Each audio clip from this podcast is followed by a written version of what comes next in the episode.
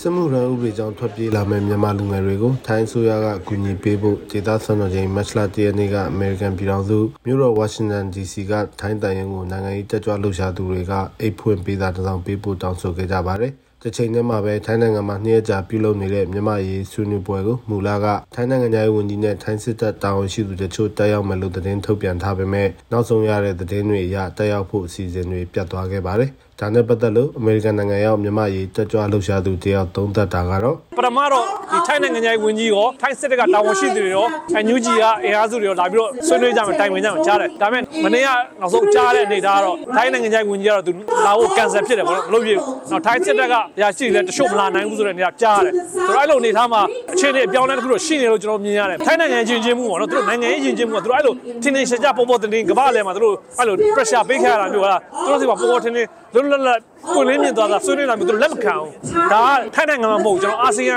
တော်တော်များများအတိုင်းဖြစ်နေကြတာပေါ့ထိုင်း government အနေနဲ့ပုံစံတစ်ခုပြောင်းလဲသွားလို့ကျွန်တော်မြင်တယ်ဒါပေမဲ့တေချာတာကတော့သူတို့အနေနဲ့သူတို့လုပ်ချင်တဲ့အကြံစီကိုဆက်ပြီးတော့အကောင့်နဲ့ follow မဖြစ်တော့ဘူးဆိုတော့သူတို့သဘောပေါက်နေဆိုတော့သဘောကျွန်တော်တတ်မှတ်လို့ရပါတယ် စစ်ကောင်စီကဖေဖော်ဝါရီလထဲမှာလူငယ်လူလက်ပိုင်းတွေအထိအကျုံးဝင်တဲ့စစ်မှုထမ်းဥပဒေကိုစတင်သက်ဝင်ကြောင်းကြေညာခဲ့တာကြောင့်ပြည်တွင်းကလူငယ်တွေနဲ့မိသားစုတွေအတွက်စိတ်ဖိစီးမှုတွေဖြစ်ပေါ်စေခဲ့ပါတယ်။ဒီအခြေအနေဟာလူငယ်အလုံးကိုစစ်ပွဲတွေကြားထဲမဖြစ်မနေပါဝင်မှုစစ်ကောင်စီကဖိအားပေးသလိုဖြစ်ခဲ့တာကြောင့်အိန္ဒိယနိုင်ငံတွေစီကိုအလုံးရင်းနဲ့ထွက်ပြေးတာတွေလည်းဖြစ်ပေါ်လာနိုင်တာပါ။ Currently with the recent conscription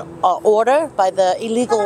junta, it is forcing more youth to flee the country. Um, it put their lives in danger. So we're asking, we're here in front of the Thai embassy to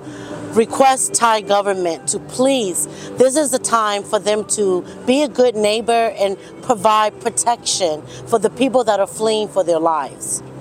ပြည်သူ့စစ်မှုထမ်းဥပဒေထွက်ပေါ်ပြီးနောက်မှာအမေရိကန်နိုင်ငံသားရေးဝန်ကြီးနဲ့ထိုင်းအာဏာပိုင်တွေတွေ့ဆုံဆွေးနွေးတာတွေရှိခဲ့ပြီးရွှေ့ပြောင်းနေထိုင်သူတွေကိုအကူအညီပေးဖို့ပြင်ဆင်တာတွေလည်းရှိခဲ့ပါတယ်။ထိုင်းနိုင်ငံဟာလည်းရွေးကောက်ပွဲကနေအစိုးရသစ်မကြခင်ကမှတင်ထားတဲ့နိုင်ငံဖြစ်ပြီးအကြိမ်ကြိမ်ဆက်အာဏာသိမ်းမှုတွေနဲ့အတူနိုင်ငံရေးမတည်ငြိမ်မှုတွေရှိနေတာဖြစ်ပါတယ်။ Thai Red Cross ရဲ့နော်စစ်ကောင်စီ Red Cross ရဲ့နောက်ပြီး ICRC နိုင်ငံတကာအပြည်ဆိုင် Red Cross ရဲ့ Red Cross သုံးဝက်ပေါင်းပြီးဒီ season လုပ်မယ်ဆိုပြီးပြောတယ်အဲအကြောင်းကျွန်တော်တို့ကစိုးရိမ်သွားတယ်စစ်ကောင်စီ Red Cross နဲ့လုပ်လို့ရှိရင်တော့တေးကြတယ်ဒီအကူအညီတွေကဘလို့မှတကယ်လိုအပ်တဲ့ပြည်စီရောက်မှာမဟုတ်ဘူးမကြခင်မှာနော်စုလိုက်တုံလိုက်ပြည်တွင်းကနေထွက်လာကြတော့မယ်လူငယ်တွေရှိထိုင်းနဲ့မြန်မာဒီလိုကူညီပေးခဲ့တဲ့ကျေးဇူးကကျေးဇူးသားတွေများနဲ့ဘာဖြစ်ဖြစ်ရေရှည်ဆက်ဆံရေးပိုကောင်းမယ်ဆိုတဲ့အနေအထားမျိုးကျွန်တော်ထောက်ပြပြီးတော့စာပို့တာဖြစ်ပါတယ်